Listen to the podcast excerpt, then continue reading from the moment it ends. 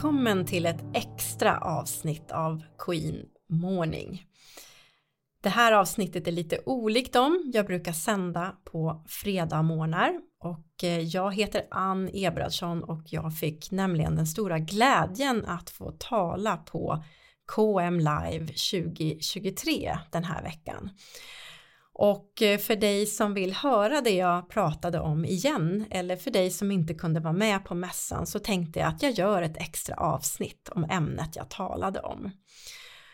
Hur man bygger hållbara engagemang på våra arbetsplatser. Och KM Live, det är ett event som tidningen Kvalitetsmagasinet arrangerar och i år så var temat att säkra kvalitetsarbetet i en föränderlig värld. För det är ju precis vad som behöver göras. Vi behöver tillsammans säkra kvalitetsarbetet och använda kraften i kvalitetsarbetet på bästa möjliga och hållbara sätt. För föränderlig, det är världen. Både den värld vi lever i här på jorden, vår omvärld, våra samhällen, våra arbetsplatser och våra liv. Så varmt välkomna hit till en stund som summerar det jag pratat om. Och eh, jag kommer då också ta upp fyra områden som kan bidra till ett mer hållbart engagemang på din arbetsplats. Handen på hjärtat. Hur ofta känner du dig full av energi, både på morgonen, hela dagen och när du går hem från jobbet? Eller eh, när du ska gå till jobbet? Eller har du mest energi när du får gå hem från jobbet? Att vi har energi, att vi mår bra, att vi trivs och är produktiva, flexibla och lösningsorienterade. Det hoppas nästan alla chefer och arbetsgivare på att vi ska vara. Och det är ju klart på ett sätt att det ska vara så.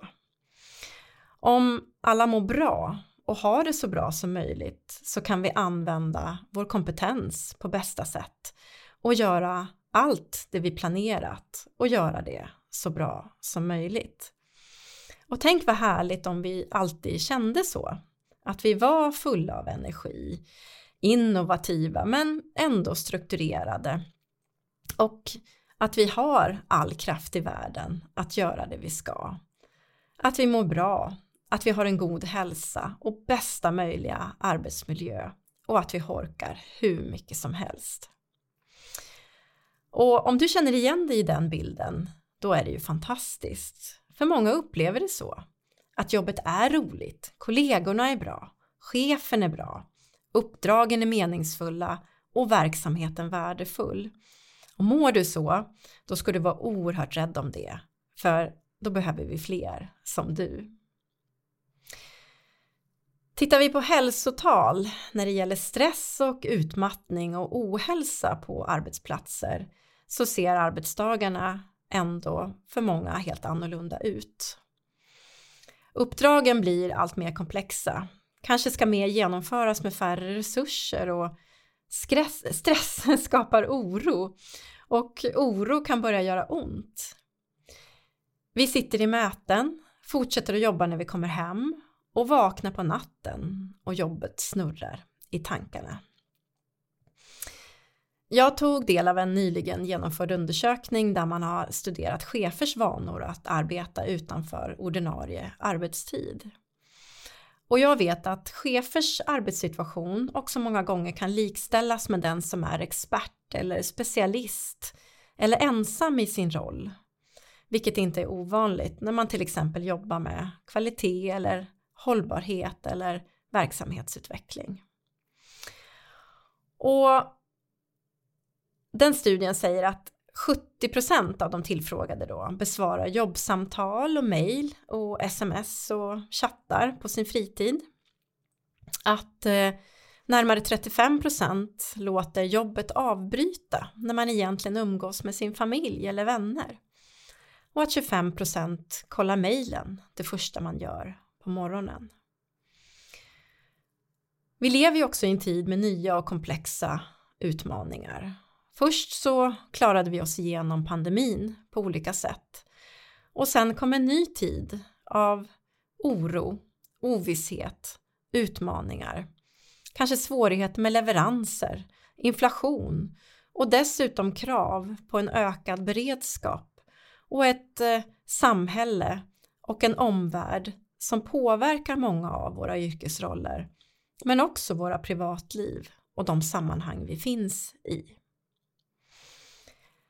Men det är heller inte ovanligt att livet och yrkeslivet har båda av de här bilderna som jag har beskrivit. Att det är roligt, spännande, utvecklande och på samma gång utmattande. Särskilt om det är så att du jobbar i en organisation där du är väldigt engagerad.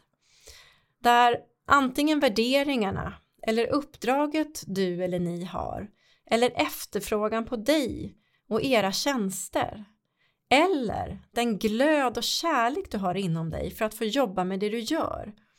Det bidrar till att du är så engagerad och glad. Men du håller på att jobba ihjäl dig, för det tar aldrig slut. Behoven tar aldrig slut. Uppdragen tar aldrig slut. Engagemang och gränslöshet kan ligga väldigt nära varandra. Och kan man balansera engagemang och motivation med att det finns tyngre dagar och högre arbetsbelastning, då klarar vi oss ganska bra. Men eh, blir det ojämvikt här, att det blir mer av krav och att takten ökar, att besluten ska fattas snabbare, resurserna minskar och behoven ökar, då kan det vara svårt att få till det. Och mitt i allt det här så vill vi ha produktiva och effektiva team som känner arbetsglädje av att jobba tillsammans när det enda vi kanske önskar oss är arbetsro och att få vara i fred. Eller så längtar vi efter mer samarbeten men de andra har inte tid. Eller så har vi bra samarbeten och vill bevara den energi och kraft som finns så länge det bara går. Och allt det här handlar ju om att säkra kvalitetsarbetet i en föränderlig värld. Det vi vet av forskning och andra studier av olika slag det är att motivation är oerhört viktigt när vi jobbar. Motiverade medarbetare är mer benägna att vara produktiva, mer benägna att lösa problem och tänka kreativt och är mer nöjda med sina jobb. De eh, har en lägre sjukfrånvaro och är mer också benägna att arbeta för de mål som organisationen har. Och motivation det kan ju komma av fler variabler som handlar om till exempel ledarskapet, arbetsmiljön, kulturen och arbetsglädjen. Och du kan fundera på själv vad som gör dig riktigt motiverad. Vad blir du motiverad av? Och när du är motiverad, var känns det i kroppen? Visst är det någonting som du får energi av? Engagemang och värderingar kan vara det som motiverar. Att få känna sig behövd, att få använda sin kompetens och få ingå i ett team eller i en arbetsgrupp och höra till. Då är man beredd att göra nästan vad som helst. Och eh, är engagemanget kopplat till värderingar som organisationen har eller dina egna personliga värderingar, då tänds liksom en låga inuti oss och den lyser omkring oss. Jag har haft förmånen att få rekrytera många människor till olika nya tjänster genom åren och jag måste säga att de senaste åren så får jag helt andra frågor av kandidater än tidigare. Och eh, det kan också bekräftas av vänner som jag har i rekryteringsbranschen att eh, löner och förmåner det är viktigt. Och särskilt i tider av lågkonjunktur och inflation. Men det är inte det viktigaste. Utan allt oftare så kommer frågan vad har ni för värderingar? Hur märks de? Hur jobbar ni med dem? Vad vill ni? Och sen fattar kandidaterna beslut om man vill vara med fortsatt i processen. Och det här gäller inte bara de yngre utan faktiskt i alla åldrar skulle jag vilja säga. Värderingar tenderar att bli synliga och viktiga i tider då de också utmanas av olika skäl. Och för att vara motiverade så behöver vi också få utvecklas. Det kan ju vara inom våra roller och uppdrag men även som team eller som människor. Och utveckling är inte samma sak som organisationsförändring. En förändring kan vara utvecklande i sig men tar ofta mycket kraft och energi, i alla fall initialt. Och utveckling behöver heller inte vara en kurs eller en utbildning, det kan vara helt andra saker. Och jag kommer tillbaka till det. Och så har vi ledarskapet. Vi som jobbar med kvalitet eller hållbarhet eller ansvarar för andra ledningssystem, vi vet att ledarskapet och sponsorskapet hos våra ledare är avgörande för genomförandekraft när det kommer till att göra förflyttningar som organisation eller lägga grunden för struktur och kultur. Vilken är den bästa chef eller ledare som du någonsin har haft? Kanske har du den just nu? Eller så är du själv den bästa ledaren för dina medarbetare just nu. I tider av självledarskap och autonomi och där vi måste ta ansvar precis där vi står så behövs ändå supporten och engagemanget, närvaron och motivationen ifrån ledare. Så motivation, engagemang, värderingar, utveckling och ledarskapet det är världens bästa immunförsvar mot ohälsa på en arbetsplats. Och i tider som vi har nu, en föränderlig värld, då behöver vi hållbara engagemang och hållbara arbetsplatser. För det kommer att ge ännu bättre resultat. Ännu mer kvalitetssäkrade resultat och nytta. För det är klart att vi vill göra nytta. Så hur får man till ett hållbart engagemang? Och var ska man börja? Och vad handlar det om? Innan vi går in på det så tänkte jag bara säga några korta ord om mig själv. För fyra år sedan så tog jag några stora och medvetna beslut i mitt liv och i mitt yrkesliv och lämnade 25 år bakom mig som chef och ledare i offentlig och privat verksamhet. Jag är otroligt tacksam för alla de åren inom ett flertal olika områden. Men det var dags att följa min inre kompass som pekade på flera andra saker. Sammanfattningsvis så ville jag ägna mer tid åt hållbarhet och hållbar utveckling i så många dimensioner som möjligt. Och om jag fick bestämma, då skulle varenda universitetsprogram eller högskoleprogram eller kanske till och med redan på gymnasiet innehålla kurser i kvalitetsteknik, beteendevetenskap, hållbar utveckling och ledarskap. När jag själv eh, utbildade mig inom de här områdena då tyckte jag verkligen att poletterna trillade ner. För struktur och kultur och ledarskap och hållbarhet och att kunna möta och tillsammans med andra leda mot gemensamma mål på en sån plattform. Det tror jag är väldigt bra grundstenar i varenda organisation. Och jag tror också på tillsammans. Att vi ska få använda all den kraft och potential och kompetens vi har. Var och en och tillsammans. För då kan vi ta stora kliv. Vi kan påverka. Vi kan förändra och förbättra och vi kan skapa nytt. Och jag tror också på helhetstänk och uthållighet. Och hopp. För jag tror att vi kanske mer än någonsin än på länge behöver förmedla hopp. Och det kan vi göra på många olika sätt. Och jag gör det genom att jobba med HR och med verksamhetsutveckling men också som lärare och kursutvecklare i, inom hållbar utveckling och som coach och med hållbart ledarskap. För jag tror att hållbarhet och hållbar utveckling är någonting som börjar med oss var och en.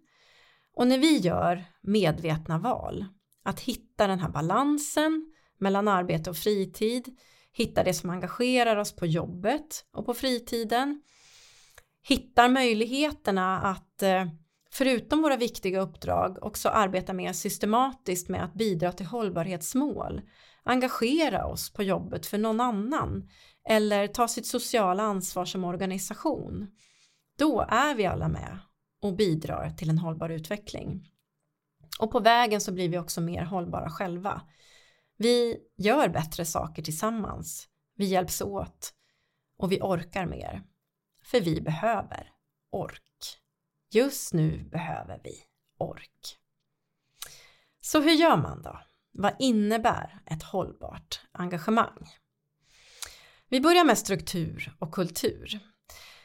Jag tror att om man får struktur och kultur att samverka så blir det väldigt kraftfullt. Systematiken i ledningssystemet eller tänket i ett ledningssystem kombinerat med hur vi vill ha det på våra arbetsplatser. Det tror jag är en väldigt viktig kombination och särskilt i tider av förändring. För när tempot ökar eller vi förväntas agera snabbt så börjar vi leta. Vad var det nu vi hade för policy? När var det den följdes upp? Vilka var med då? Vem hade det protokollet? Vad var det vi bestämde? Och vi efterfrågar ofta i våra annonser att eh, när vi söker alltså nya medarbetare att, att eh, de ska vara strukturerade och självgående med en förmåga att kunna samarbeta och lösa problem. Då behöver vi ju möta det när de här personerna kommer in i vår organisation. Vi behöver ha strukturerna på plats. Men struktur och kultur, det kan också handla om ekonomisk medvetenhet. Hur använder vi våra resurser? Har vi koll på hur vi använder våra resurser? Och vad är vår viktigaste verksamhet just nu? Och här måste vi också fråga oss, varför gör vi det vi gör? Hur ska vi ha det? När ska vi mäta och följa upp? Och vad är det viktigaste att vi säkerställer just nu? Har du systematik i botten så bygger det också en del av kulturen. Det skapar trygghet och balans och kvalitet och öppnar upp för en, eh, en, en flexibilitet som eh, inte kanske är möjlig om det är rörigare. Och alla vill vi ju leverera med kvalitet egentligen. Det finns ju väldigt få tror jag som skulle säga att de vill leverera med en dålig kvalitet. Och vilken plats får era hållbarhetsmål i den dagliga verksamheten eller i medvetandet? Hur kan du omsätta kvalitetsmålen och hållbarhetsmålen till det som du och din grupp jobbar med? Hur kan ni jobba in det i verksamhetsplaneringen och i de dagliga arbetssätten? Vi har kommit en bra bit men eh, vad jag kan se i alla fall så är det fortfarande så i många organisationer att eh, hållbarhetsmålen och kvalitetsmålen de kanske främst rör produktion eller tjänster men har inte riktigt flyttat in i våra beteenden och i vår dagliga verksamhet. Och kanske ska du som jobbar med kvalitet boka in ett möte med någon på HR om ni inte redan samarbetar och se hur struktur och kultur skulle kunna sättas i system med hjärta och med hjärna i organisationen. Och kanske går det att börja med någon typ av pilot i en del av verksamheten för att se hur det här skulle kunna utvecklas. Piloter är ett jättebra sätt att testa kvalitet och hållbarhet till exempel i en organisation där det kan behövas lite mer engagemang och också mer förankring på den strukturella nivån i ledarskapet. Men det finns ju också andra sätt att dela och engagera. Att till exempel öppna upp för positiv aktivism på arbetsplatsen. Jag har sett exempel på klädbytardagar. Möjligheten att få byta några av sina timmar på kontoret mot att få jobba några timmar i en ideell hjälporganisation. Eller det matlag som har bildats i en organisation som jag träffade för ett par veckor sedan. Det här är lite olika sätt att ta ansvar för en mer hållbar ekonomi, ekologi och sin egen hälsa och återhämtning på ett lite mer sätt som liknar aktivism. Det ingår inte i de ordinarie arbetsuppgifterna men det finns utrymme för att engagera sig. Och ett matlag till exempel om tre och tre där man lagar lunch och tre personer per dag och så går det här laget runt. Det kan innebära att stressnivåerna sjunker därför att fler äter tillsammans. Lunchlådorna i sig blir bättre och det sparas också pengar. Och jag läste här för några dagar sedan att i Uppsala som jag bor i, där kommer signaler nu från Stadsmissionen att fler och fler människor inte har tillräckligt med pengar till mat. Och det här är ju då ett, kan ju vara ett jättebra sätt att faktiskt hjälpas åt med det och också ta ett hållbarhetsansvar på en arbetsplats. Så att om du ska sätta ihop ett team eh, eller ett projekt ni ska jobba tillsammans kanske ni också då kan ta ett hållbarhetsansvar för att göra mer saker tillsammans för att värna engagemanget och varandra och jobba in hållbarhet och kvalitet redan från början. Vi behöver också dela mer och engagera fler, tror jag. Och brukar du någonsin kolla på sociala medier? Jag tror att svaret är ja. Vad är det då som fångar ditt intresse? Ja, jag tror att det är berättelser. Så är det i alla fall för många av oss. Vi älskar berättelser. Så varför delar vi inte mer med varandra i våra organisationer? Så här tänkte vi jobba för att lösa det här. Eller så här har vi gjort. Kan det vara någonting för fler?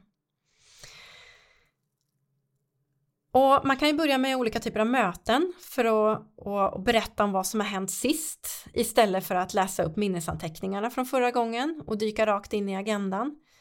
Vilken förflyttning har vi gjort sedan vi träffades sist? Och många organisationer har ju också sina egna nästan liknande Instagramkonton eller eh, andra eh, liknelser med, med sociala medier där medarbetare får berätta om det man gör precis just nu. Följ med mig en dag. Häng med mig på jobbet en dag.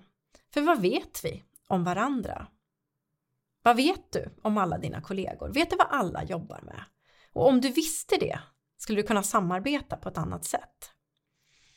Jag tror att det kan bli väldigt bra om vi vet mer. Jag tror att det blir mer utveckling och det skapar också mer gemenskap. Ja, men vi har inte tid, kanske du tänker. Nej, det kan vara svårt att få till den tiden. Man kan behöva förändra en del. Men en ganska enkel sak, det kan vara att ändra på hur vi presenterar oss för varandra och formulerar oss på olika sätt. Kan du vara lite mer eh, generös kanske och berätta när du träffar någon för första gången eller träffa någon som du kanske ser väldigt ofta men inte har pratat så mycket med. Hur presenterar du dig för andra? Eller kan du ställa en fråga? Vad jobbar du med just nu? Och så får du en bild av vad är det som pågår just nu i den personens liv. Och det kan ju låta väldigt, väldigt enkelt, men jag tror att vi ställer de här frågorna lite för sällan. Och man kan också lägga till frågan, det här jobbar jag med just nu, har du några tips på hur jag ska tänka? Då kan du få in helt andra perspektiv och det skapar engagemang. Tänk att jag blir tillfrågad att få vara med och tänka. Och till dig som är chef eller som på annat sätt har en ledarroll så vill jag prata om att leda med ännu mer närvaro. När jag möter och coachar chefer som vill ha en mer hållbar tillvaro då brukar de få börja med att skatta sin tid och vad de lägger sin tid på. Och mycket av den tiden handlar om möten. Det kan också handla om Eh, administration och eh, förberedelser på olika sätt. Och vi sitter i olika grupper och styrgrupper och vi möter varandra i avstämningar och projektmöten och affärsmöten. Och möten genererar ju också nya uppgifter som det ska finnas tid att göra. Så jag vill lyfta fram synlighet och närvaro för möten, det kan ju naturligtvis vara otroligt viktigt. Vi ska inte ta bort dem som är viktiga. Men skulle det gå att byta ut några av de här med att vara lite närmare verksamheten? Att eh, inte alltid fatta beslut på underlag som man får tillskickad sig utan faktiskt också besöka, ta del av den verklighet som förslaget handlar om och fylla på med intryck själv. Dagens och framtidens ledarskap tror jag handlar om synlighet och närvaro och nyfikenhet.